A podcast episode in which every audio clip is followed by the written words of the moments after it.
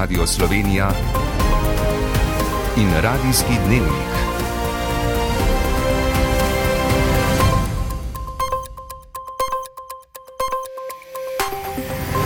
Ura je 18 in 30 minut.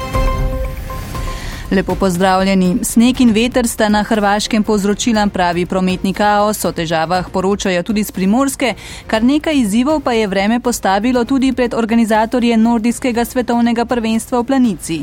Zlasti veter namreč kroji tekmo mešanih ekip v smučarskih skokih. Po prvi seriji je slovenska ekipa na tretjem mestu, več o tem pa po drugih povdarkih odaje. Slovenija pri uporabi električnih vozil zaostaja za Evropo med razlogi visoke cene in manjko infrastrukture. Indija, tudi v luči vzpona Kitajske, za Evropo vse bolj pomemben partner. V brodolomu na jugu Italije je umrlo najmanj 59 migrantov, številne še pogrešajo. Jutri bo pretežno oblačno, na jugu in jugovzhodu bo občasno naletaval sneg, na primorskem bo še pihala burja. Z vami sva Višnja Fičor in Ana Štraus. V planici, kot rečeno nocoj, upamo na prvo slovensko medaljo na svetovnem prvenstvu v nordijskem smučanju. Našim na mešani ekipi tekmi skakalcev po prvi seriji kaže zelo dobro. Več pa bo povedal Boštjan Rebršak, ki spremlja tekmo. Boštjan, pozdrav v planico. Lepo zdrav iz planice. 27.300 gledalcev si je ogledalo prvi del nordijskega svetovnega prvenstva, manj kot bi si želeli organizatori. Prvenstvo pa v prvem delu vse do danes tudi ni prinesel navdušujočih slovenskih športnih nastopov. V tem večeru pa v šesti izvedbi tekme mešanih ekip Slovenija na poti do prve kolajne v tej disciplini in na tem prvenstvu. Po prvi seriji četverici, četverica Nika Križnar, Timi Zajci ima klinec in Anžela Nišak na tretjem mestu z drobnim zaostankom za Norveško in Nemčijo, ki je slavila na mešanih ekipnih tekmah na zadnjih štirih svetovnih prvenstvih. Slovenija je aktualni olimpijski prvak, a sta tokrat v postavi ima klinec in Anžela Nišek, v Pekingu sta bila Peter Prevc in Urša Bogataj. Pričakujemo razborljiv finale začetkom čez nekaj minut, tudi na valu 202. Sneg je že poskrbel za pravlično kolico ob koncu prvega konca tedna tega svetovnega prvenstva in naj je piko na i za zadnji tekmi pred jutrišnjim premorom postavijo še skakalke in skakalci, ki jih čaka torej veliki finale za prvo slovensko kolajno tega prvenstva. Upamo na najboljše, Boštjan Rebršak, hvala lepa, več pa seveda v športnih minutah.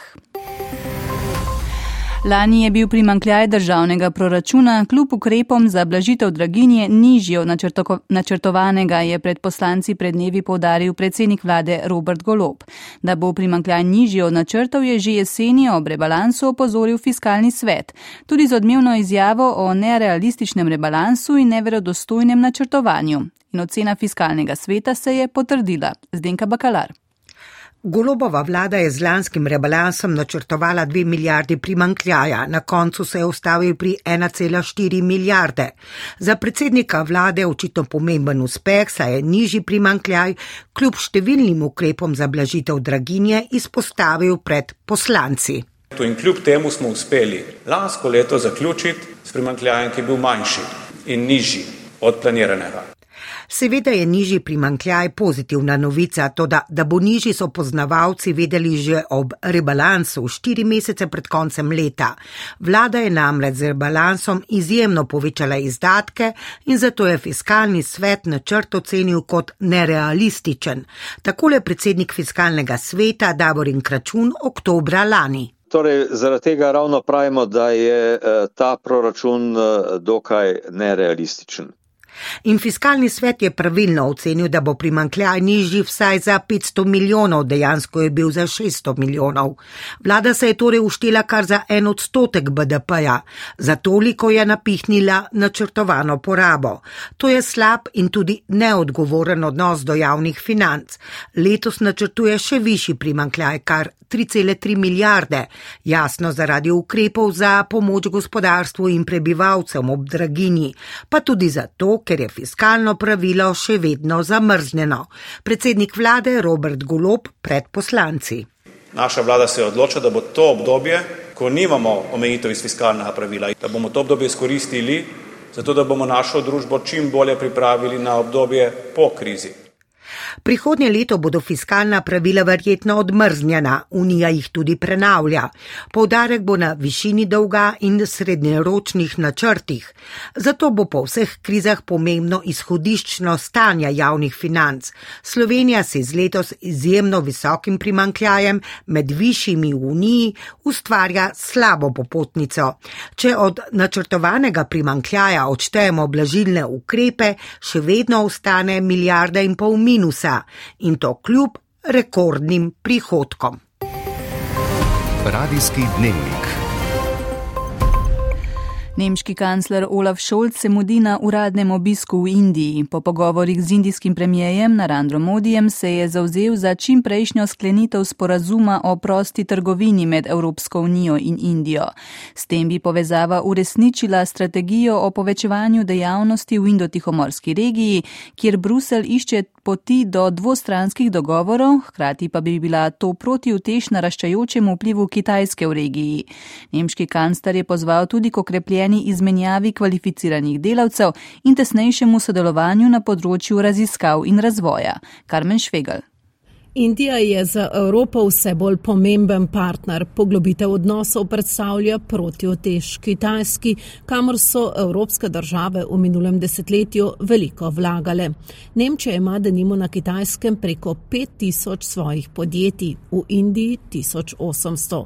Kancler Šolc je ob svojem obisku v New Delhiu napovedal nove naložbe in povečanje zaposlenih v omenjenih nemških podjetjih. Indici si želijo predvsem ukrepiti avtomobilsko industrijo in vabijo nemške gigante, ki imajo velike proizvodne obrate na kitajskem. Nemška gospodarska zbornica je že pred meseci opozarjala, da tudi po končanju pandemije se gospodarstvo na kitajskem šele pobira, medtem ko je poslovno okolje do vlagateljev vse manj prijazno. Pred Indijo je še veliko izzivov, kot je infrastruktura, boj proti korupciji, birokracija, a zaradi svoje velikosti in gospodarske rasti letos naj bi dosegla vsaj 7 odstotno, predstavlja veliko priložnost za evropska podjetja. V Indiji prav zdaj poteka srečanje skupine G20, na katerem pa Modi išče priložnost za preusmeritev pogovorov z vojne v Ukrajini na druge teme. Indija namreč odkrito Rusije ni kritizirala, je pa Modi že večkrat dejal, da čas ni za vojno, temveč pogajanja. Indija, ki je doslej večino svojega orožja kupovala prav iz Rusije, predstavlja priložnost tudi za zahodno orožarsko industrijo. Šolc naj bi med obiskom tudi pritisnil na indijsko stran, da bo prižgala zeleno luč za nakup šestih nemških podmornic v vrednosti dobrih 5 milijard evrov. Izraelski in palestinski predstavniki so v pristaniškem mestu Akaba na jugu Jordanije začeli pogovore za vnovično vzpostavitev miru. Gostitelj, jordanski kralj Abdullah, je uvodoma povdaril, da je nujno umiriti razmere. To sta v skupni izjavi povdarili tudi obe strani. Ob tem se je Izrael med drugim zavezal, da bo za pol leta zamrznil odobritev novih graden na zasedenih ozemljih. Izraelski finančni minister Bacalel Smotrih je že zavrnil možnost zamrznitve novih graden. V skrajnem palestinskem gibanju Hamas pa so vrhu Akabi označili za nič vreden, saj ne bo spremenil ničesar. V brodolomu lesene barke z migranti je zgodaj zjutraj v južnoitalijanski Kalabriji umrlo najmanj 59 ljudi. Pogrešenih je vsaj še enkrat toliko, žalostni obračun pa raste iz ure v uro. Dogodek je sprožil val žalosti, jeze in ogorčenja zlasti na račun Evropske unije, ki da naredi premalo tako pri odpravi vzrokov za migracije kot pri reševanju na morju. Iz Rima Janko Petrovec.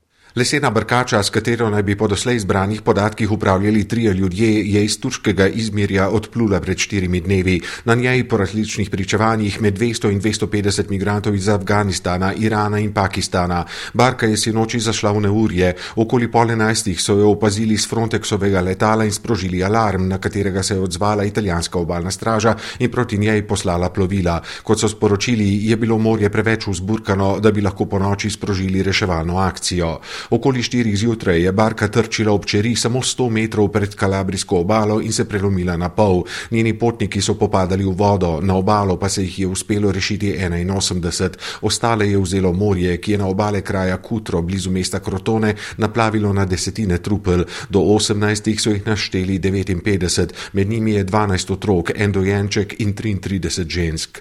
Italijanska politika je reagirala nemudoma. Predstavniki vlade zahtevajo zaustavitev odhodov migranskih bark, na mesto nesreče pa je že prispel notranji minister Matteo Piantedozi.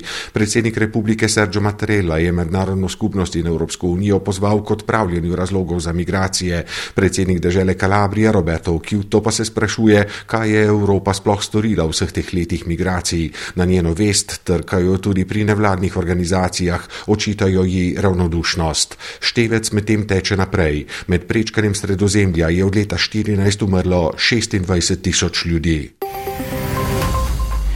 V Sloveniji je po podatkih statističnega urada registriranih 1,2 milijon, milijona vozil, od tega je skoraj 60 odstotkov dizelskih, nekaj manj kot 40 odstotkov benzinskih, le pol odstotka pa električnih. Po mnenju poznavalcev pri uporabi električnih avtomobilov močno zaostajamo za povprečjem Evropske unije, zato bi morali več naporov usmeriti v tom, da bi ta delež zvišali. Simeon Rogal.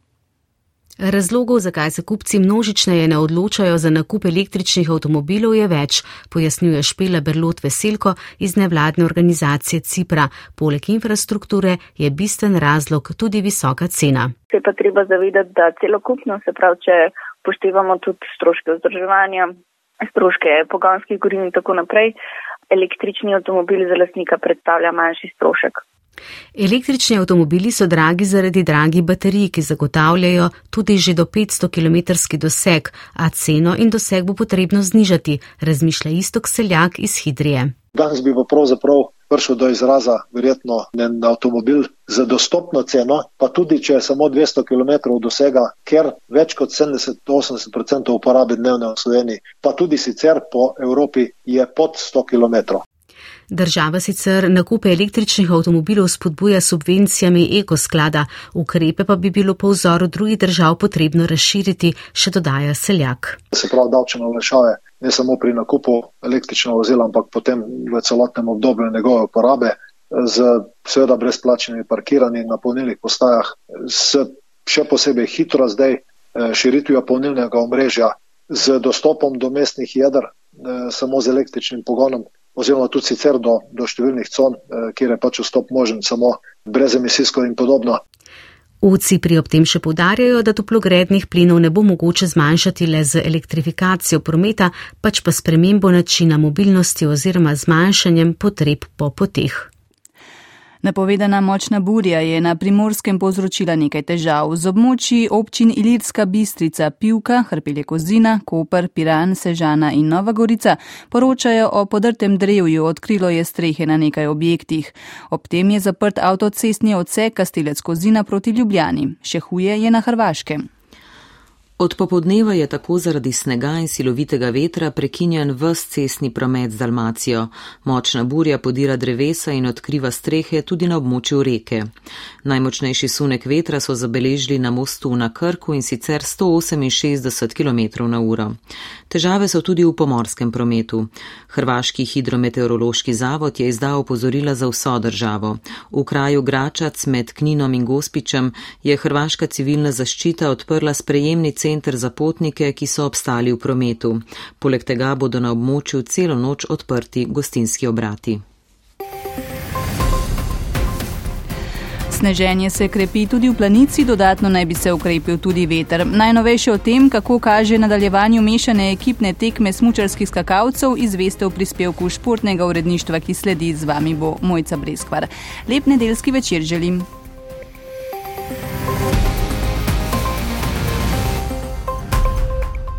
Na svetovnem nordijskem prvenstvu v planici danes štiri končne odločitve. V ekipnem sprintu v moški konkurenci najhitrejša Norvežana, v ženski švedini Eva Urevci in Anja Mandel sta bili osmi. V ekipni mešani tekmi kombinatorcev še eno zlato medalja za Norveško. Osrednji dogodek, dogodek danes v planici pa mešana ekipna tekma smučarskih skakavk in skakalcev. Slovenija se bori za medalje. Vkljapljamo se v prenos na valu 202, kjer tekmo spremlja Boštjan Rebršak. Slovenijo.